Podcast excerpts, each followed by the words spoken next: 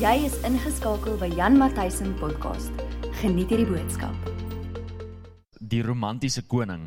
En soos wat julle nou al gehoor het as julle ons die laaste tydjie volg en na ons preke luister, dat ons besig is om aanleiding te gee en op pad is na koninkryk toe sodat ons kan gesels oor koninkryk.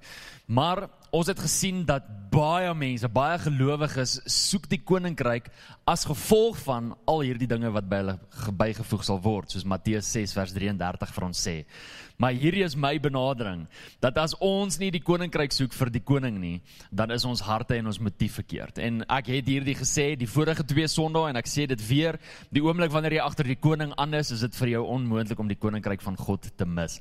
En daarom gesels ons eers oor die koning van hierdie amazing koninkryk, oor wie hy is, oor sy karaktereienskappe, oor hoe hy optree en oor hoe hy met jou gaan optree, hoe hy met jou gaan werk. So dis so vir ons belangrik om om jou te kan kan ek maar sê voorstel aan hierdie amazing koning. Um sodat ons eers kan stil staan by die koning en dan gaan stil staan en oorbeweeg na die koninkryk van die Here toe. So, ons gesels oor die romantiese koning. Ek hoop jy het jou joernaal reg en jy het jou pen reg en dat jy reg is om lekker neer te skryf al hierdie goedjies waaroor ons nou gaan gesels. In die begin was die woord. En die woord was met God en die woord was God. En God drie eenheid, Vader, Seun en Heilige Gees, het besluit in hulle wysheid om die aarde te skape. En toe hulle die aarde skape, vat hulle hulle tyd. Hulle beplan alles in detail.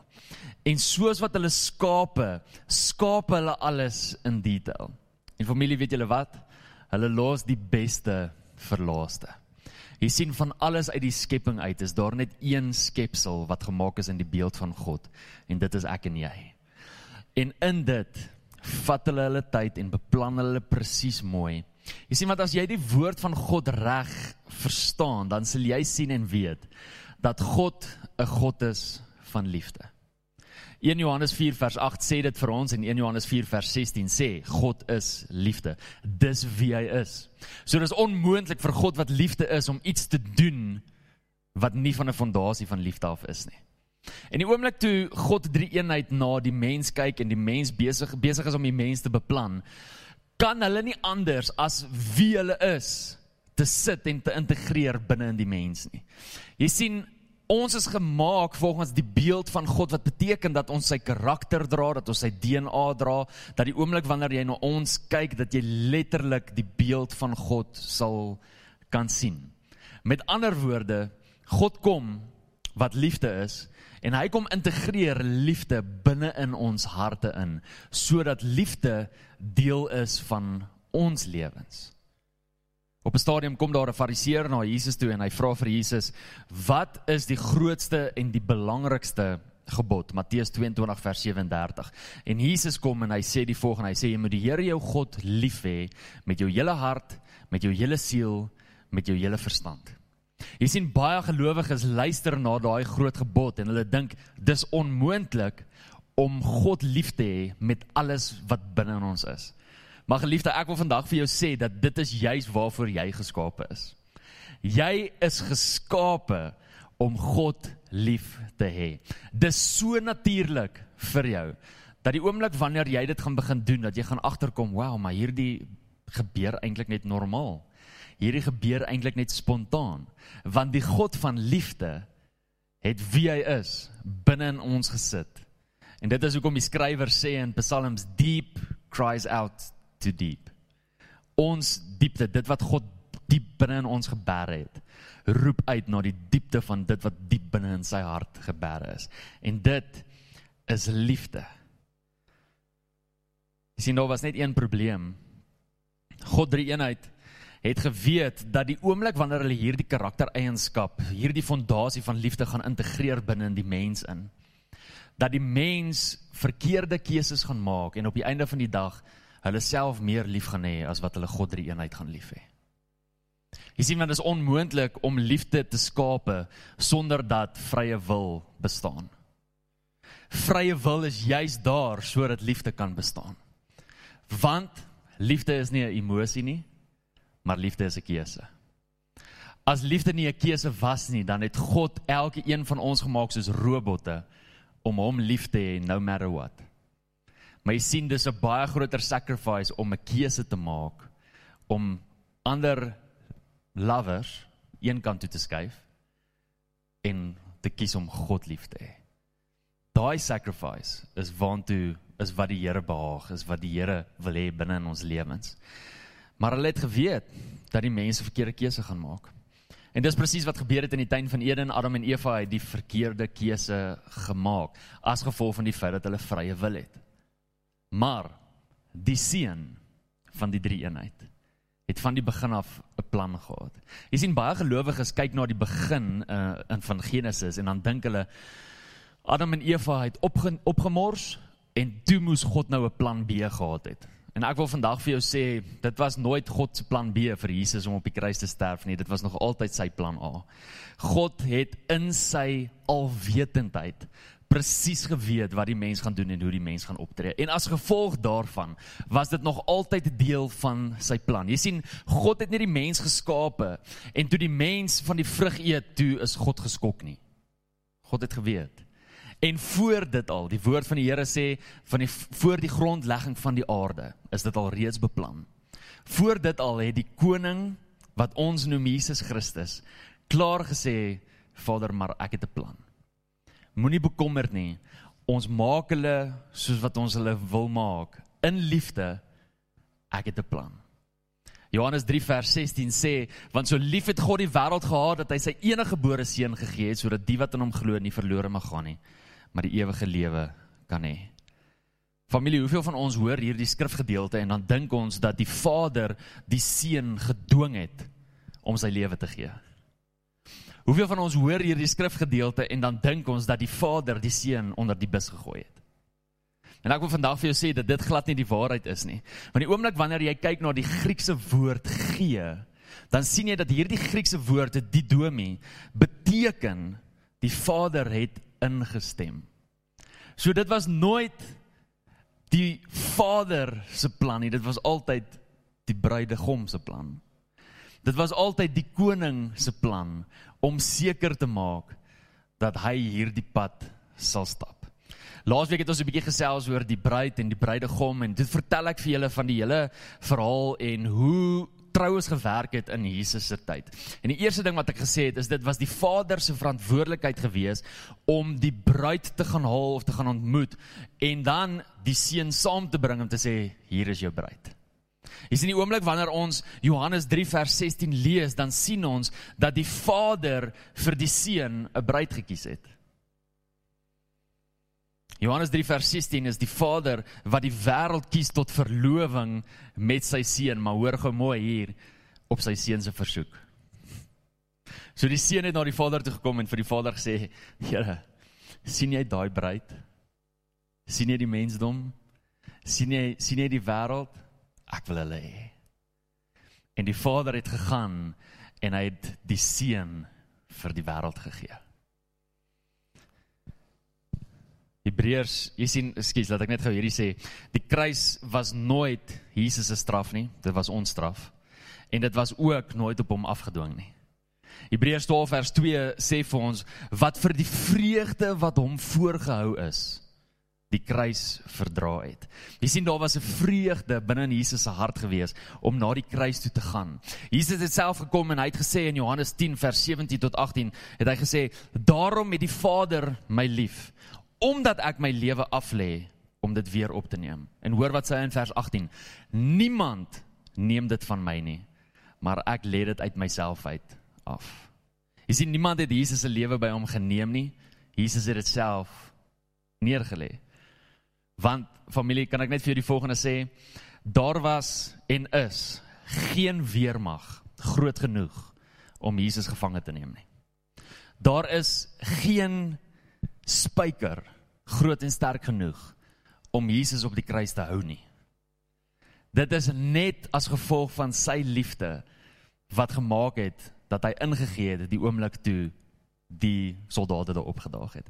Dit was net sy liefde vir my en jou gewees wat gemaak het dat hy op daai kruis gehang het, ten spyte van die seer, ten spyte van die verwerping, ten spyte van die tyd dat dit die heel eerste keer in Jesus se hele lewe bestaans is wat hy nie bewus was van God se teenwoordigheid nie. En dit is hoekom hy uitgeroep het: Eli Eli. Vader, Vader. Hoekom het U my verlaat? Die heel eerste keer in Jesus se bestaans wat hy nie bewus is van die teenwoordigheid van God nie. Maar hy hang daar as gevolg van sy liefde vir ons. Familie, waar het jy al ooit gehoor van 'n koning wat sy troon verlaat om dood te gaan vir mense wat hom verwerp? Het jy al ooit gehoor van so 'n verhaal? Het jy al ooit gehoor van 'n koning wat sy troon los en gaan laat om vir mense wat in opstand is teenoor hom, om vir mense wat in rebellie is, om vir mense wat niks met hom te doen wil hê nie, te gaan doodgaan. Maar ons koning was juis die een wat dit gedoen het. Die oomblik wanneer mense Jesus se kruisiging lees, dan kom 'n mens op 'n op 'n persoon af wat ook 'n rol speel in die kruisiging. Hy, hy speel nie regtig 'n rol in die kruisiging nie, maar hy's deel van die hele storie van die kruisiging. En jy lees van hom in Lukas 23 vers 17 tot 25. En sy naam is Barabbas. Barabbas was 'n rebel. Barabbas het in opstand gekom teenoor die Romeinse regering. En in sy opstand saam met al sy volgelinge het hulle klomp mense doodgemaak sodat hulle die regering kan overthrow. Maar dit het nie gewerk nie en Barabbas is gevange geneem en hy is ook geslaan, hy's ook gemartel en hy's ook binne in 'n tronk gegooi. En terwyl hy eendag nog daar in sy tronk sit, hoor hy 'n skare en hy hoor hoe hierdie skare skree en te kere gaan en hy hoor hoe hierdie skare glad nie happy is nie en hy wonder by homself wat gaan aan. En op 'n stadium hoor hy hoe hierdie skare skree, kruisig hom, kruisig hom, kruisig hom. En hy wonder, ja, wie is hierdie man? Wie is hierdie man wat opgestaan het? Wie is hierdie man wat dalk soos ek ook 'n rebellie gelei het? Wie is hierdie man wat opgestaan het teenoor die volk sodat die volk so kwaad is vir hom dat hulle sal skree, kruisig hom, kruisig hom. En op 'n stadium kom die soldate na Barabbas toe en hulle sluit hom oop en hulle gryp hom daar uit die tronk uit en hy dink dalk by homself, is dit nou my einde? Is dit waar hulle my gaan kruisig? Het hulle geskree kruisig hom kruisig hom het hulle van my gepraat. En terwyl hulle hom uitlei staan hy voor Pontius Pilatus en Pontius Pilatus verwys na twee manne toe en hy verwys na Jesus toe en hy verwys na Barabbas toe. En hy vra vir die volk wat se een wil julle hê moet ek laat gaan? En die mense skree die naam van die rebel in plaas van die naam van 'n koning.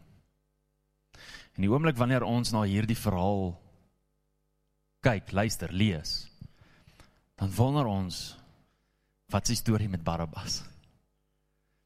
Jy sien totdat ons agterkom dat Barabbas is ek en Barabbas is jy. Want Barabbas was gevange geneem. Maar daar daag 'n koning op wat in gevangenis ingaan en ons plek in ons gevangenis vat sodat ons kan vry wees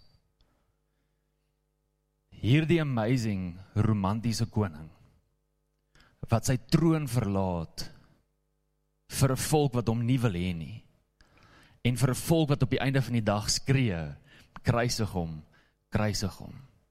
Staan en kyk vir 'n ander man met die naam van Barabbas. En die oomblik toe Barabbas vir daai koning kyk sien hy iets in sy oë wat maak dat alles binne hom verander Jy sien ons is Barabbas.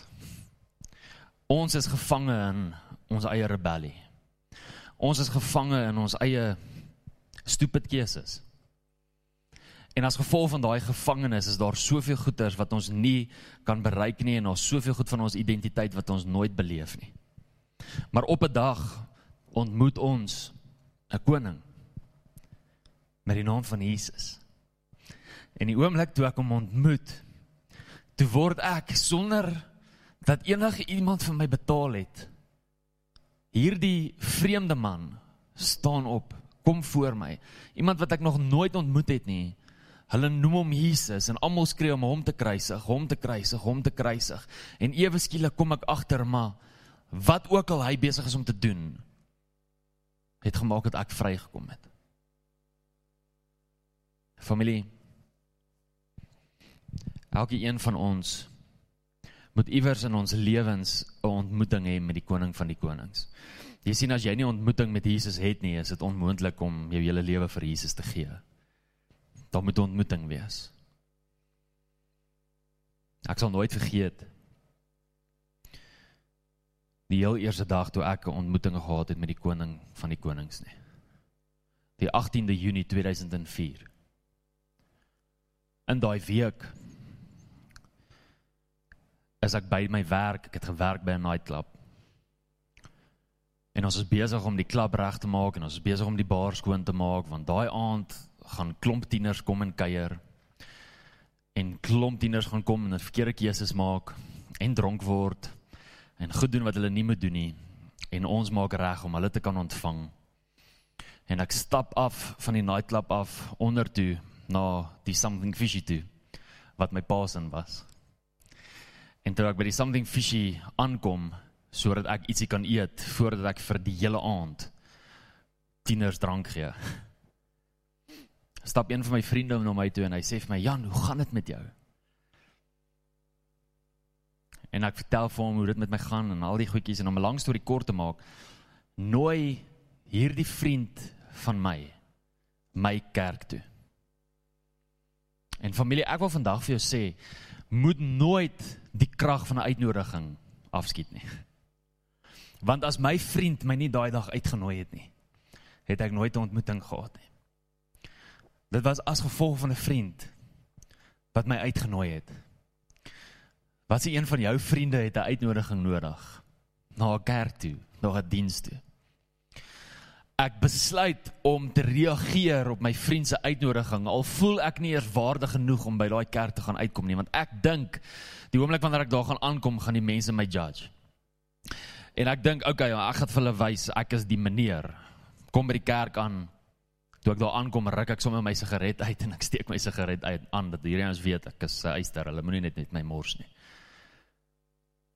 En vir een of ander rede in plaas van die tieners by die jeug in plaas van dat hulle my verwerp, stap hulle na my toe terwyl ek rook. En hulle laat my welkom voel by die jeug. En hulle vat my na die jeugpastoor toe en laat ek en stel my voor aan die jeugpastoor dat ek die jeugpastoor kan ontmoet. En hy, ten spyte van 'n sigaret in my hand, gee my 'n hak en sê vir my hoe dankbaar hy is dat ek hier is. En ons stap in die auditorium in en die musiek begin speel en ek het nie 'n klou wat hier aangaan nie. Jy sien wat die musiek wat speel in 'n klub en die musiek wat speel in 'n kerk is nie dieselfde musiek nie. Die musiek wat speel in 'n klub maak dat ek myself wil verloor op 'n ander manier. En dat ek vir goeders wil doen wat ek nie veronderstel is om te doen nie. Maar die musiek wat ek hoor binne in die kerk is musiek wat ewe skielik vrede bring en ewe skielik begin werk binne in my hart op 'n ander manier wat ek nog nooit ontmoet het nie of gedink het nie, vervaar het nie. En in die worship is ons besig om te sing en die tieners is besig om mal te gaan. Rond te hardloop, hande te klap, hande in die lug in te gooi en ek dink by myself, wat gaan nie aan? Dit is regtig asof ons by 'n klub is, maar dit is nie 'n klub nie. Die tieners geniet hulle self. Hulle geniet hulle self sonder drank, hulle geniet hulle self sonder welles, hulle geniet hulle self sonder sigarette. Dit is net vir hulle lekker. En op 'n stadium kom die jeugpastoor vorentoe. Sy naam was Harold en baie van julle ken hom. En hy vat die mic en hy begin gesels oor Jesus wat ek nog nooit ontmoet het nie. En daai aand ontmoet ek die een wat my uit die gevangenis uit laat kom het. Soos wat Barabbas uit die gevangenis uitgekom het.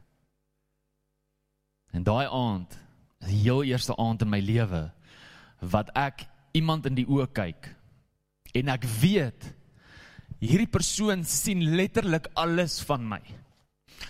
Hierdie persoon sien letterlik elke gedagte wat ek nog ooit gehad het.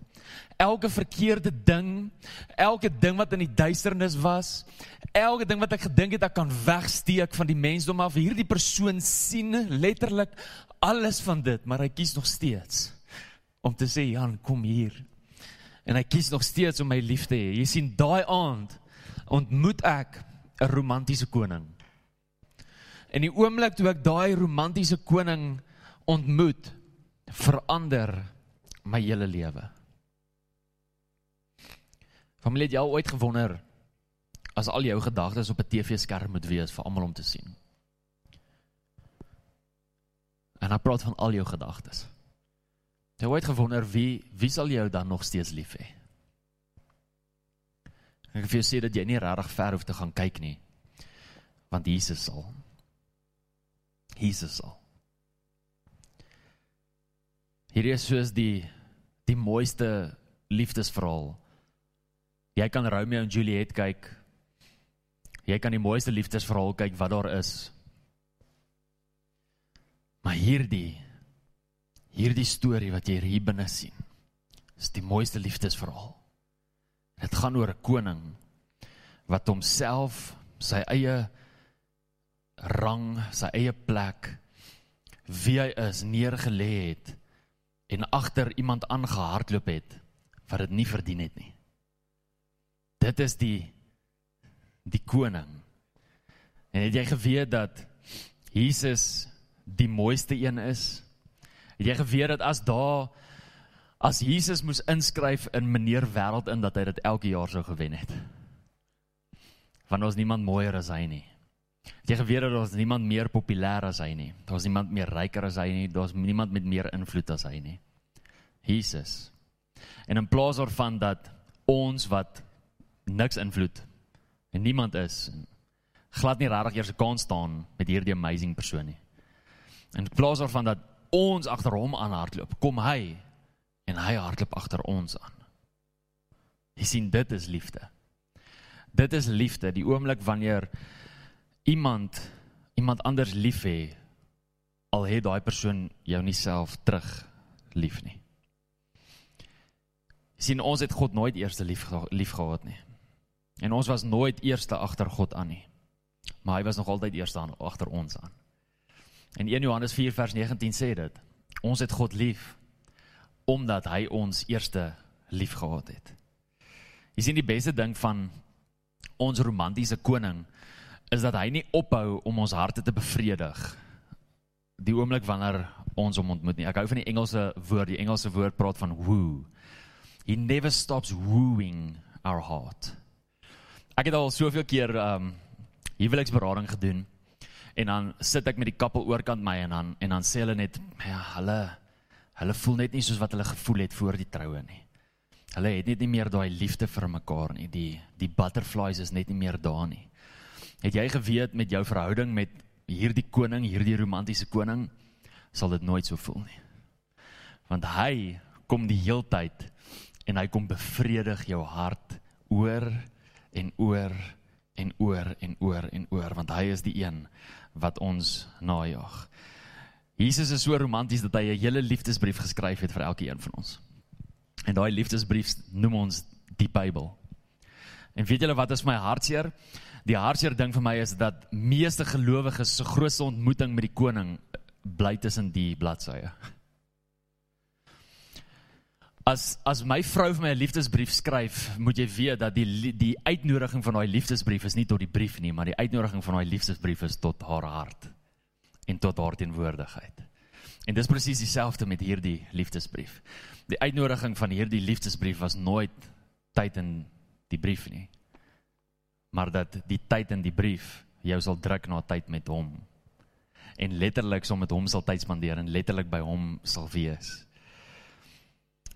Wie se geliefde het al ooit hulle bederf met 'n sonsondergang wat hulle self gemaak het. Kan jy dit sê? Het jou geliefde dit gedoen?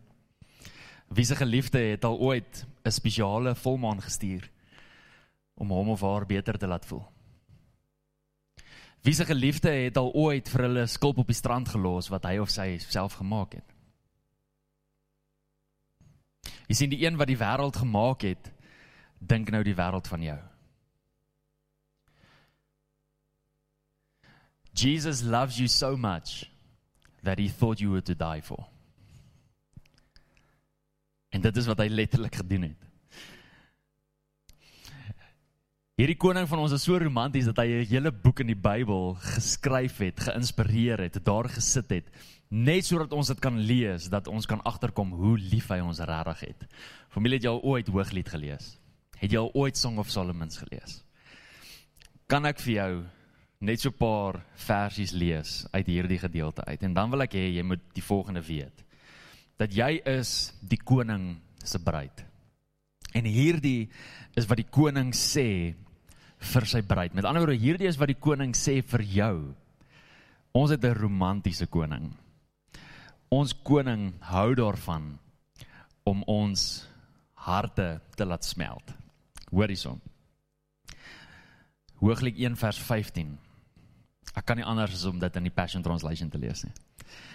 Look at you, my dearest darling. You are so lovely. Sê Jesus vir jou. You are beauty itself to me. Your passionate eyes are like gentle doves.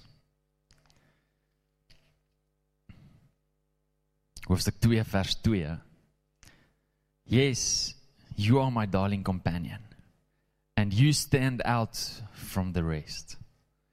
For though the curse of sin surrounds you, still you remain as pure as a lily and even more than all the others. sê Jesus vir jou. Hoofstuk 2 vers 13. Sê can you not discern this is a new day of destiny breaking forth around you?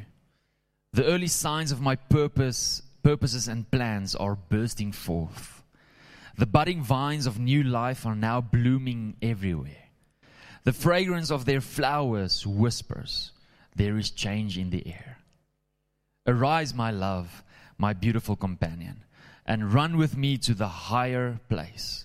For now is the time to arise and come away with me.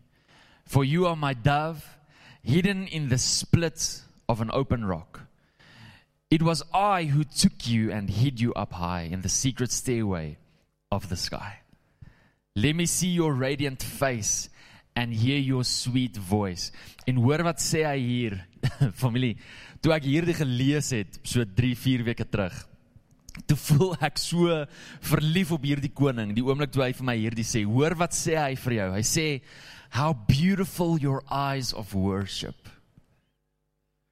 and how lovely your voice in prayer en die oomblik toe ek dit lees toe besef ek wow Jesus kyk my in my oë die oomblik wanneer ek worship en hierdie is sy respons how beautiful your eyes of worship En hoor wat sê hy? Elke keer wanneer ek bid, is hierdie wat hy sê, how lovely your voice in prayer. Hoor hierdie gedeelte. Hoofstuk 4 vanaf vers 1 en 2. Hy sê, "Listen my dearest darling, you are so beautiful. You are beauty itself to me. Your eyes glisten with love like gentle doves behind your veil. What devotion I see each time I gaze upon you." You are like a sacrifice ready to be offered. And when I look at you, I see how you have taken my fruit and tasted my word. Your life has become clean and pure, like a lamb washed and a newly shorn. You now show grace and balance with truth on display. Familie, ek wil jou uitnooi. Gaan spandeer 'n bietjie tyd in die boek van Hooglied gaan lees 'n bietjie in die gedeelte van Song of Songs. En gaan kyk wat sê hierdie amazing koning van jou. Hy het 'n behaag in jou, hy het 'n begeerte vir jou, hy's agter jou aan. En sy begeerte en sy passie en hoe hy agter jou aan is, het nie by die kruis gestop nie. Dit gaan nog steeds aan en dit gaan nog steeds aan en dit gaan nog steeds aan. Sy liefde vir elke een van ons stop nooit. Jy het nodig om dit te hoor. God se liefde vir jou stop nooit. En daar is niks wat jy kan doen om te maak dat hy jou minder lief het nie. Niks. Ek sal nooit vergeet nie, ek spandeer een keer tyd met Jesus en terwyl ek met hom tyd spandeer, gesels ek met hom oor oor sy liefde vir my en en hy en hy sê vir my iets wat my dit het my hele lewe geshape. Julle wat sê hy vir my? Hy sê Jan, ek het jou vandag net so lief soos daardie dag wat jy in die nightclub gewerk het net voordat jy my ontmoet het. En toe ek dit hoor, toe toe maak dit nie vir my sin nie. Hoe kan God my in my sondige stand en toe ek niks met hom te doen wou gehad het nie, en toe ek glad nie eers in verhouding met hom gestaan het nie. Hoe kan hy my vandag nog presies so lief hê? Hoe het sy liefde vir my nie verander nie? Ek het al soveel sacrifices gedoen. Ek het al soveel nader aan hom aan hom gekom. Ek het al soveel goeders in my lewe neergelê. Ek het al soveel tyd met hom spandeer. Ek het sy woord al verorber en hy het my nog steeds dieselfde lief as daai dag wat hy my in die klap raak gesien het. Nog steeds dieselfde. Sy liefde vir jou verander nie. Romeine 8 vers 38. Ek gaan klaarmaak. Laaste tweede laaste skrifvers. Paulus kom en hy sê vir ons, hy sê vir ons, hy noem klomp goeters op en dan sê hy vir ons presies wat ek nou vir jou sê dat niks kan ons skei van lief van God se liefde nie. Niks. Want ek is ver, versekerd, Romeine 8 vers 38. Ek is versekerd dat geen dood of lewe of engele of owerhede of magte of teenwoordige of toekomende dinge of hoogte of diepte of enige ander skepsel ons sal kan skei van die liefde van God wat daar in Christus Jesus ons Here is nie. Niks nie. 'n familie ek het hierdie al gedeel maar ek het gevoel om hierdie weer weer te deel. Die oomblik wanneer ons hierdie lees dan sien ons dat Paulus iets uitlos. Paulus los iets iets uit hier. Hy noem iets nie. En as jy gaan kyk in jou lewe dan sal jy sien dat hierdie ding wat hy nie noem nie is in meeste gevalle in baie gelowiges die grootste ding wat ons skei van sy liefde, skei van sy teenwoordigheid of diskwalifiseer. Kom ons noem dit eerder dit. Ons diskwalifiseer, ons diskwalifiseer onsself om sy liefde te ontvang. En dit is die verlede. Hy praat van die teenwoordige en hy praat van die toekomende. Maar hy praat nie van die verlede nie. Maar hoeveel keer laat ons as gelowiges toe dat ons verlede bepaal hoe ons verhouding met God lyk? Dat ons verlede bepaal of ons kan ervaar dat God vir ons lief is of nie? Hoeveel keer laat ons toe dat ons verlede ons diskwalifiseer tot roeping, tot waarvoor hy ons geroep het tot sy wil, tot wat ook al. Hoeveel keer laat ons ons verlede toe om ons te diskwalifiseer? En Paulus kom hier en hy noem klomp goeters wat ons nooit sal kan skei van God se liefde nie, maar hy noem nie eers ons verlede nie. Hoekom nie? Jy sien want vir Paulus is dit nie eers waardig om ons verlede te noem nie. Want dit behoort nie aan ons nie. Ons verlede is gekoop deur Jesus Christus. En omdat hy daarvoor betaal het vir elke liewe ding wat jy nog ooit gedoen het van nou af hierdie oomblik wanneer jy hierdie boodskap luister terug jou verlede Jesus het vir al daai goed betaal. En omdat hy daarvoor betaal het behoort dit nie meer aan jou nie. Dit behoort aan hom. En omdat dit nie aan jou behoort nie is dit nie veronderstel om 'n rol te speel in jou lewe nie. Laaste skrifgedeelte 1 Korintiërs 14 vers 1. Jaag die liefde na. Jaag die liefde na. Familie. Hier het ek nou ook nou dag in my devotional gesê die woord liefde daar is die woord agape. Dis dieselfde woord wat gebruik word vir God is liefde in 1 Johannes 4 vers 8 en 16. Met ander woorde Paulus skryf hier, hy sê jaag God na. En ek wil vandag vir jou die volgende sê. Ons koning, ons romantiese koning het alles gelos, sy troon gelos en jou nagejaag. En nou is hier 'n uitnodiging van hom af, want hy het die skrif ingegee om hom na te jaag. Maar weet julle wat is amazing? Is ons jaag hom nooit na sonder om hom te vang nie. Ons kry hom altyd. En onthou dat ons hom liefhet omdat hy ons eerste liefgehad het. Hy is die een wat eerste agter ons aangekom het. Hy is die een wat eerste agter ons aangejaag het. En as gevolg daarvan kan ons vandag 'n keuse maak om agter hom aan te gaan. En voordat jy honger is vir koninkryk en voordat jy honger is vir al hierdie dinge wat by jou gevoeg sal word, wees honger vir die een wat honger is vir jou. Wees honger vir die een wat alles verlaat het om seker te maak dat jy in 'n verhouding kan staan met hom. Hy is die romantiese koning en hy is agter elke een van ons se harte aan. En my gebed vir elke een van ons familielede is dat soos wat ek nou net daai Engelse woord gebruik het that he would woo you. My gebed is die volgende that Jesus our king would woo your heart. En dat jy die oomblik wanneer jy sy naam hoor, dat jou hart sal smelt. Dat die oomblik wanneer jy sy naam hoor, dat jy 'n smile op jou gesig sal kry. Die oomblik wanneer jy sy naam hoor, dat daar 'n 'n beat sal skiep binne in jou hart en dat daar vlinders sal wees binne in jou maag. Want hy is dit werd. Hoekom? Want hy voel so oor jou. Hy sy hart skiep 'n beat as hy aan jou dink. Hy kry 'n smile op sy gesig as hy jou naam hoor. Die oomblik wanneer hy in jou oë kyk, dan kry hy vlinders in sy maag. En hoe kan ons anders as om vir hierdie perfekte God wat die mooiste mens is wat nog ooit geskape is, wat perfek is in al sy weë, wat nie een enkele korrupsie in sy hart het nie, maar wat altyd rein is met sy motiewe. Hoe kan ons nie reageer teenoor sy liefde nie? En hier is die uitnodiging. Hierdie uitnodiging is nie net vir my en jou nie. Hierdie uitnodiging is vir die wêreld.